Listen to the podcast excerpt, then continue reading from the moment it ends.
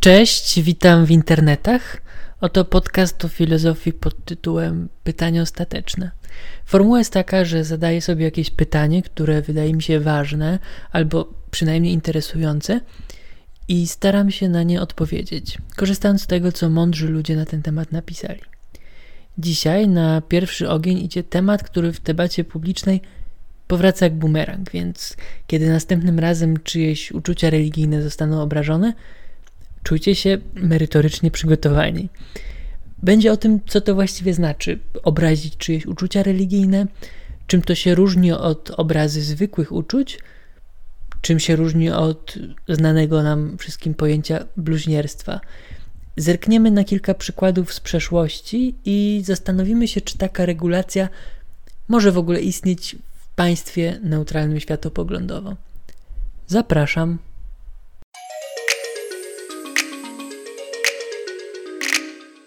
Czym jest ta e, filozofia? No, e, wykuwaniem narzędzi, za pomocą których można odpowiedzieć na jakieś pytania ostateczne. What it is. Quelle, quelle est la vie Quelle est la vie sexuelle de Hegel ou de Heidegger voilà. Dlaczego akurat uczucia religijne? Tak łatwo obrazić. Dlaczego to jedyna z kategorii uczuć, która w najróżniejszych systemach prawnych znajduje szczególną ochronę? Dlaczego nie ma obrazy uczuć politycznych?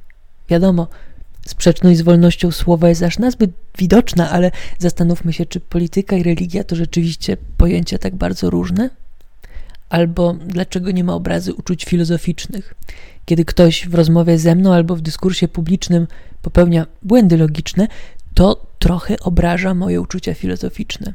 Z jakiego powodu wyznawcy religii są chronieni bardziej niż miłośnicy filozofii? To są przecież dwie dziedziny aktywności intelektualnej, które pod wieloma względami są bliźniacze. Ktoś mógłby powiedzieć, że istnieje jeszcze jedna podobna kategoria uczuć uczucia narodowe albo państwowe, obywatelskie. Jest w naszym systemie prawnym przepis o znieważeniu znaku lub symbolu państwa. Artykuł 137 kodeksu karnego. Wydaje mi się jednak, że na tym etapie naszej rozkminy warto zwrócić uwagę na fundamentalną różnicę między tymi dwoma przepisami. Obraza uczuć religijnych traktowana jest jako konkretyzacja konstytucyjnej wolności wyznania, czyli prawa jednostki, podczas gdy w przepisie o znieważeniu symbolu państwa wyraźnie wskazano, że poszkodowanym jest samo państwo, a nie żaden pojedynczy obywatel. Innymi słowy, ofiarą obrazy uczuć religijnych ma być konkretny człowiek, który poczuł się dotknięty, a nie sam Bóg albo religia jako idea. W przypadku przepisu o znieważeniu państwa przeciwnie, ofiarą jest właśnie państwo jako idea. Po raz pierwszy pojawia nam się tu kluczowa dychotomia prywatne, publiczne. I moja teza jest następująca.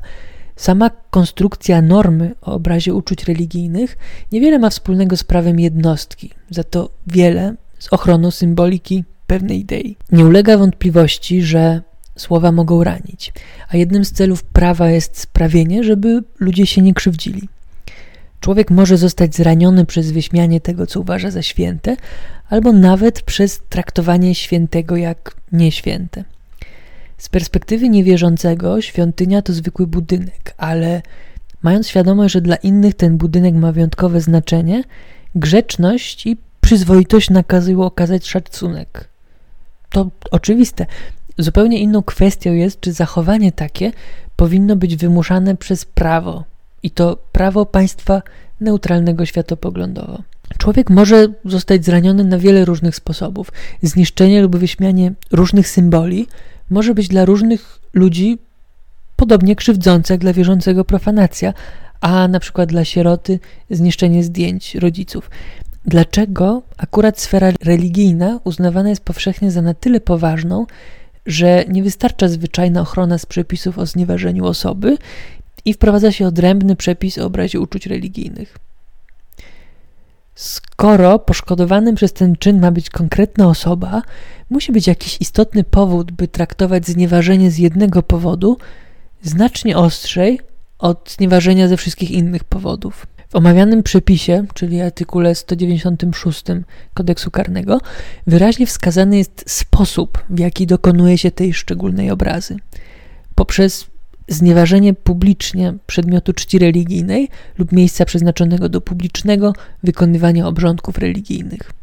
Czy oznacza to w takim razie, że wcale nie chodzi o naruszenie uczuć jednostki bezpośrednio, ale o obrazy majestatu instytucji Kościoła i dopiero pośrednio, następczo jej wyznawców? Wskazywałoby na to po pierwsze podkreślenie publicznego charakteru tego znieważania, a po drugie sprecyzowanie, że chodzi o miejsca i przedmioty. Nie da się nakreślić sensownego związku przyczynowo-skutkowego między naruszeniem miejsca lub przedmiotu, a uczuciami jednostki bez odwołania się do symboliki instytucji. W ten sposób oddalamy się coraz bardziej od konstytucyjnej obrony wolności wyznania, która jest prawem jednostki, i zbliżamy się do ochrony symboliki pewnych konkretnych organizacji pozarządowych dostarczających usługi religijne. W swojej istocie ta regulacja jest więc bardzo podobna do wspomnianej przed chwilą ochrony symboli państwowych. Ktoś może powiedzieć teraz, dobra, dobra, to takie dzielenie włosa na czworo i filozoficzne pierdu pierdu. Jaka to różnica, czy obraża się mnie bezpośrednio, czy też pośrednio przez obrazy majestatu religii, którą wyznaję i która jest dla mnie ważna. Z punktu widzenia religii pewnie rzeczywiście nie ma różnicy, ale z punktu widzenia prawa i filozofii różnica jest ogromna. Po zdjęciu maski wolności jednostki okazuje się, że ta obraza uczuć religijnych to nic innego jak stare bluźnierstwo, czyli akt obrazy samego Boga albo religii jako idei, akt, za który Stary Testament przewiduje karę śmierci przez ukamieniowanie. Podobnie zresztą jak islam. Chrześcijaństwo odeszło od tak surowego karania za zniewagę religii, pewnie dlatego, że sam Jezus był wielokrotnie oskarżany o bluźnierstwo przez faryzeuszy. Doktryna Kościoła nie precyzuje, w jaki sposób takie przewinienie miałoby być karane, ale nie ulega wątpliwości, że jakoś na pewno ma być. Istnieje wśród prawników spór, czy przedmioty czci religijnej, za, które, za których znieważenie można stanąć przed sądem, to jedynie przedmioty materialne, jak Koran albo krzyż, egzemplarz Pisma Świętego, czy także pojęcia, takie jak Bóg, Maryja, święci albo Pismo Święte jako tekst. Wydaje mi się, że w świetle orzecznictwa, a w szczególności wyroku Trybunału Konstytucyjnego w sprawie Dody, o którym więcej za chwilę, Jasne jest, że przedmiot czci traktuje się szerzej. Także w tym sensie polska regulacja obrazu uczuć religijnych niebezpiecznie zbliża się do regulacji bluźnierstwa w krajach pokroju Arabii Saudyjskiej, Pakistanu albo Rosji. Brytyjski filozof Michael Dummett argumentuje za istnieniem zakazu bluźnierstwa, podając taką analogię.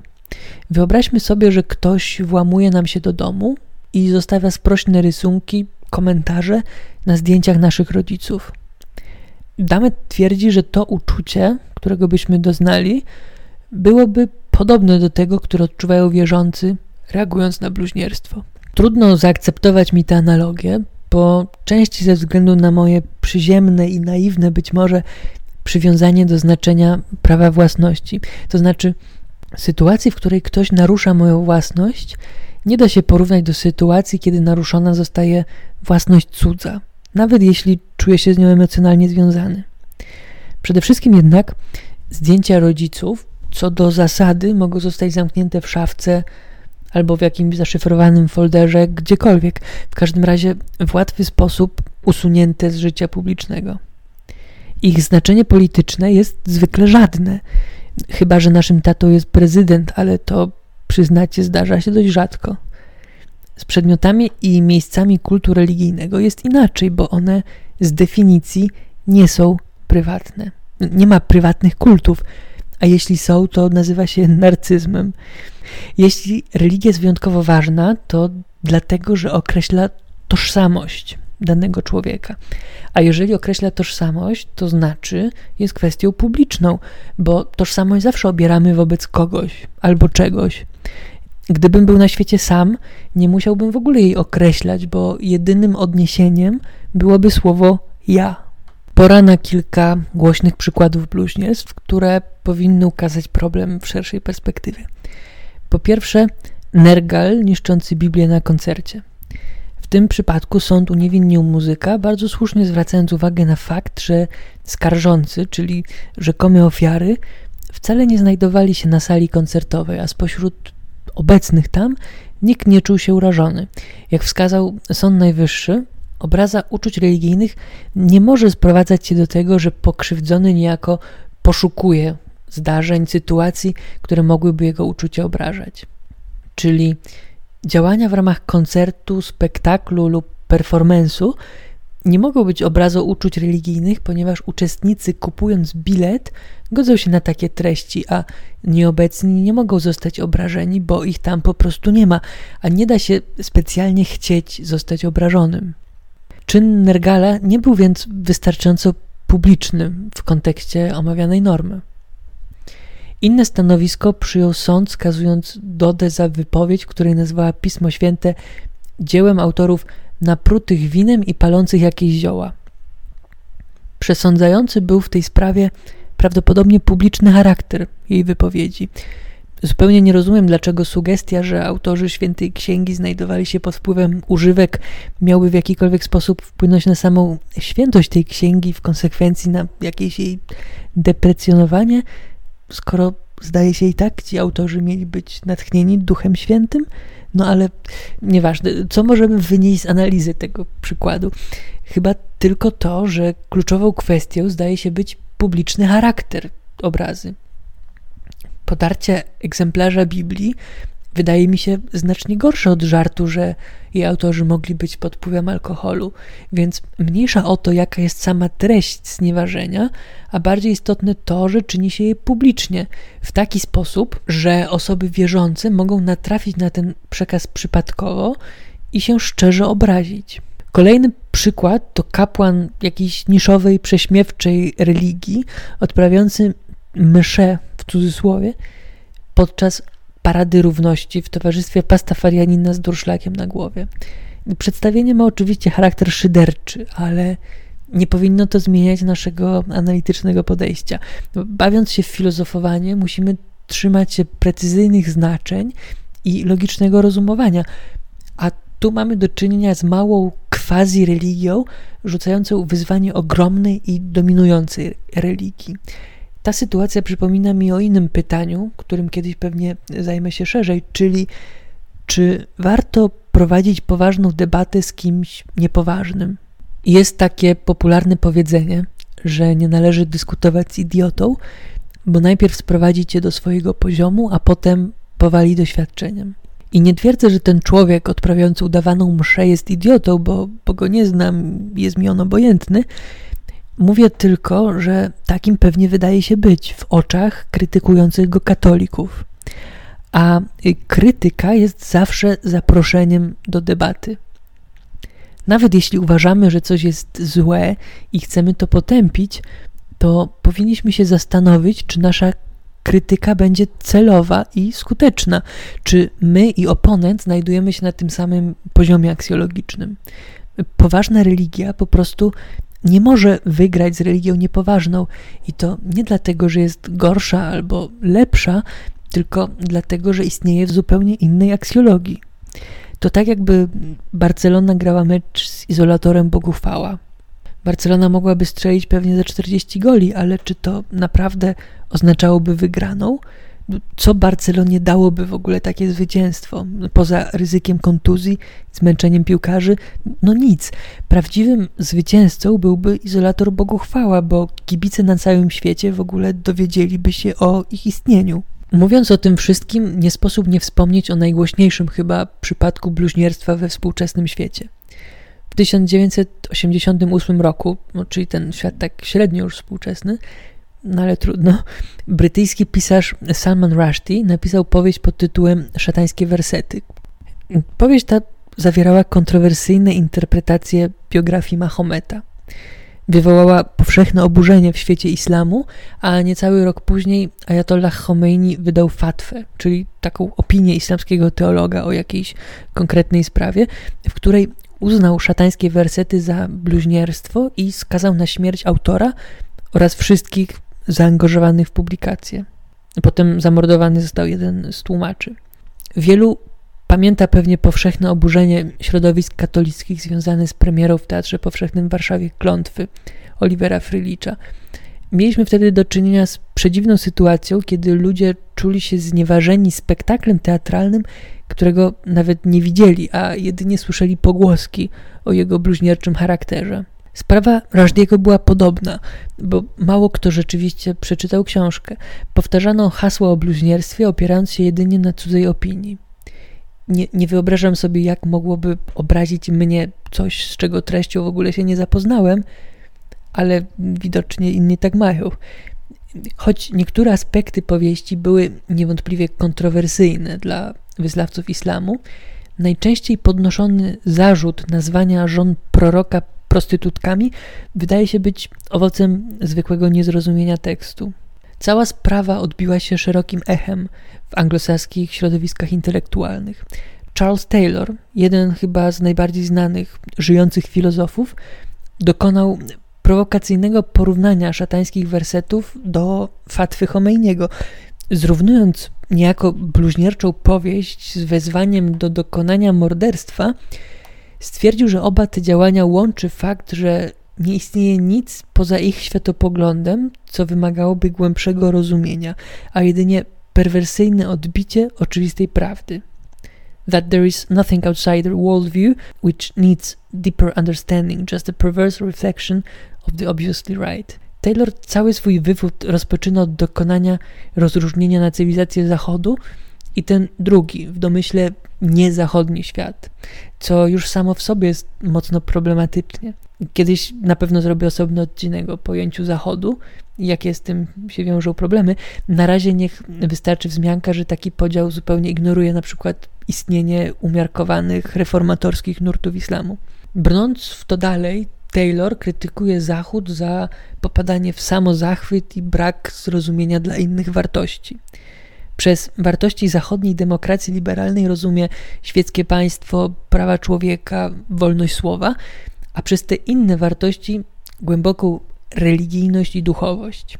Taylor nawołuje do dialogu, pozostając jednak dziwnie ślepym na punkt widzenia Rajdiego lub innych artystów dokonujących rzekomego bluźnierstwa. Starając się zrozumieć fundamentalizm religijny, zupełnie nie interesuje się drugą stroną sporu, czyli osobami niereligijnymi.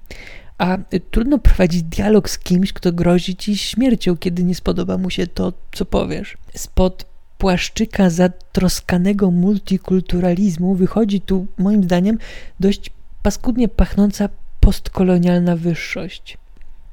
To znaczy, my, cywilizacja Zachodu, musimy spróbować zrozumieć tych innych, bo od razu zakładamy, że nie ma szans, żeby oni zrozumieli nas. Taylor pisze: Problem z tą książką jest taki, że ponieważ powstała w stosunkowo samozadowolonym świecie Zachodu, nie dopuszcza możliwości, że religijne symbole, opowieści i dogmaty mogą znaczyć coś zupełnie innego dla tych, których one łączą, niż dla tych, którzy je odrzucają. To twierdzenie wydaje mi się zupełnie dziwacznym. To oczywiste, że różne symbole dla różnych wspólnot w różnych kontekstach będą mieć różne znaczenia, tylko co z tego? Jeśli to rzeczywiście jest problemem, to jedynie jego połową, a drugą, komplementarną połową powinno być bliźniacze zdanie. Problem z fundamentalizmem jest taki, że ponieważ powstał w niesamozadowolonym świecie nie Zachodu, nie dopuszcza możliwości, że religijne symbole, opowieści i dogmaty mogą znaczyć coś zupełnie innego dla tych, których one łączą, niż dla tych, którzy je odrzucają. Moim zdaniem dopiero zestawienie tych dwóch lustrzanych odbić ukazuje prawdziwą istotę problemu. Mamy do czynienia z dwoma sprzecznymi światopoglądami, których nie da się pogodzić, przynajmniej na płaszczyźnie norm prawnych, etycznych, ponieważ wywodzą się z zupełnie różnych aksjologii. Jedni zupełnie nie są w stanie zrozumieć tych drugich, bo mówiąc niby o tym samym, mają na myśli coś zupełnie innego. Prawo zawsze ktoś tworzy. I robiąc to, ma albo przynajmniej powinien mieć coś na myśli. Teoretycznie można byłoby zakładać, że w ustroju demokratycznym Prawo mogą tworzyć jedni i drudzy wspólnie. W praktyce jednak podział na środowiska religijne i świeckie jest tak mocny, że zwykle osoby te okupują się w stronnictwach po przeciwnych stronach politycznej barykady. Wydaje mi się, że sytuacja jest bardzo zero-jedynkowa. Państwo może być albo wyznaniowe, albo świeckie. Prawo może karać bluźnierstwo, albo i nie. Nie ma opcji pośredniej. I wreszcie gwóźdź programu Matka Boska Tęczowa. Warto zaznaczyć, że nie jest to pierwszy przypadek poddania wizerunku Matki Boskiej Częstochowskiej artystycznej przeróbce mającej na celu wskazanie na jakiś problem społeczny. Głośną sprawą była okładka wprost przedstawiająca Matkę Boską Częstochowską w masce gazowej. Ważną decyzję w tej sprawie wydała Europejska Komisja Praw Człowieka. W świetle interesu publicznego i toczącej się debaty, cel, jakim było uwrażliwienie odbiorcy na problem zanieczyszczenia powietrza w okolicach Częstochowy, jest nadrzędny wobec ochrony uczuć religijnych skarżących. Podobnie orzeczono w przypadku występu Pussy Riot w cerkwi. Trybunał uznał, że piosenka Bogu Rodzico przegoń Putina ma charakter politycznej krytyki. Nawet jeśli punkowy performance mógł urazić uczucia wierzących, na pewno to zrobił, to jego aspekt politycznego protestu był ważniejszy i wymaga ochrony w ramach wolności wypowiedzi. Warto podkreślić, że celem działania Pussy Riot nie była obraza religii jako taka, ale sprzeciw wobec władzy. Wybór świątyni na miejsce tego protestu nie był oczywiście przypadkowy, ale nie wybrano tego po to, żeby obrazić uczucia wyznawców prawosławia. Miejsce wykonania było integralną częścią przekazu protestu przeciw zbyt ścisłym związkom rządów Putina z cerkwią prawosławną. Używając terminologii prawa karnego, Pussy Riot mogły działać co najwyżej w zamiarze ewentualnym. To znaczy, nie chciały obrażać wierzących, ale godziły się na taką możliwość i jej konsekwencje. Czy można więc obrazić kogoś wcale tego nie chcąc, jedynie akceptując taką ewentualność? Czy akt znieważenia jest w takim razie czymś definiowanym obiektywnie, bez odnoszenia się do psychologii sprawcy? Nie ulega wątpliwości, że występ Pussy Riot był prowokacyjny, obrazoburczy, obsceniczny nawet. Ale jak zauważa Sławoj Żyżek, tu cytat, członkinie Pussy Riot oskarżone o bluźnierstwo i nienawiść na tle religijnym? Odpowiedź jest prosta. Prawdziwym bluźnierstwem jest samo oskarżenie ze strony państwa, które jako zbrodnię nienawiści religijnej określa coś, co było ewidentnie politycznym aktem protestu przeciwko rządzącej sitwie. Czy Pussy Riot działały cynicznie? Istnieją dwa rodzaje cynizmu.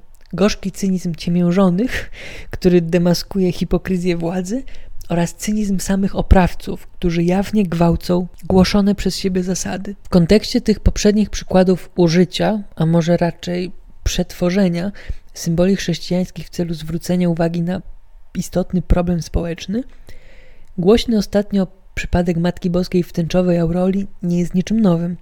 Znowu, jest to artystyczna przemiana znanego symbolu w określonym celu społecznym, w tym wypadku ochrony praw osób LGBT.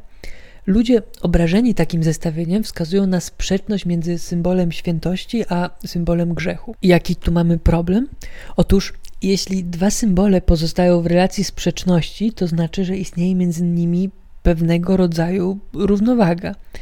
Jeśli miłośników Matki Boskiej obraża pomalowanie jej tęczą, to w takim samym stopniu powinno obrażać miłośników tęczy zestawienie ich ważnego symbolu z symbolem religii, która ich potępia.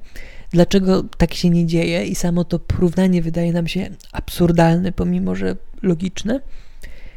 Dlatego, że obraza jakichkolwiek uczuć to kwestia absolutnie subiektywna. O ile rozumiem, dlaczego występ Pussy Riot w cerkwi oburza, o tyle sprzeciw wobec samego pokolorowania aureoli barwami tęczy wydaje mi się zupełnie niedorzeczny. Tęcza to przecież nie tylko symbol ruchów na rzecz osób nieheteronormatywnych, ale też biblijny symbol przymierza człowieka z Bogiem. Oczywiście w tym momencie zawsze podnoszą się głosy, że przecież intencja autorki była jasna i chodziło jej o mm, gejów. Nie chciałbym iść zbyt daleko w dygresję, bo to, czy intencja autora wpływa na interpretację dzieła, to zupełnie inny, szeroki temat. Wspomnę tu tylko o pojęciu błędu intencjonalnego. Jeśli ktoś chce, może sobie doczytać. Lepiej zająć się dwoma poważniejszymi argumentami, z którymi się spotkałem. Po pierwsze, podnoszono, że jakakolwiek ingerencja w święty symbol jest niedopuszczalna i każda najmniejsza zmiana musi zostać uznana za profanację. Argument ten zdaje się ignorować fakt, że przez wieki artyści w ramach sztuki sakralnej dokonywali najróżniejszych przetworzeń. Jeśli za znieważenie uznać każde użycie świętego symbolu w sytuacji innej niż oryginalna, należałoby odrzucić dzieła Michała Anioła, Caravaggia i wielu innych, rozbić tysiące kościelnych witraży i pozwać dyrektorów największych muzeów świata. Żeby było jasne, nie twierdzę, że dzieła Michała Anioła i Elżbiety Podleśnej w podobny sposób dokonują transformacji. W żadnym wypadku robią to zupełnie inaczej, ale jeśli ktoś formułuje argument, każde x jest y, to żeby obalić ten argument, wystarczy wskazać jedną sytuację, kiedy istnieje takie x, które nie jest y. Wydaje mi się, że nie trzeba dłużej bronić stwierdzenia, że sztuka sakralna znajdująca się w kościołach przetwarza symbole religijne, przenosząc je do kontekstów innych niż pierwotne, a jednocześnie nie jest powszechnie uznawana za bluźnierczą.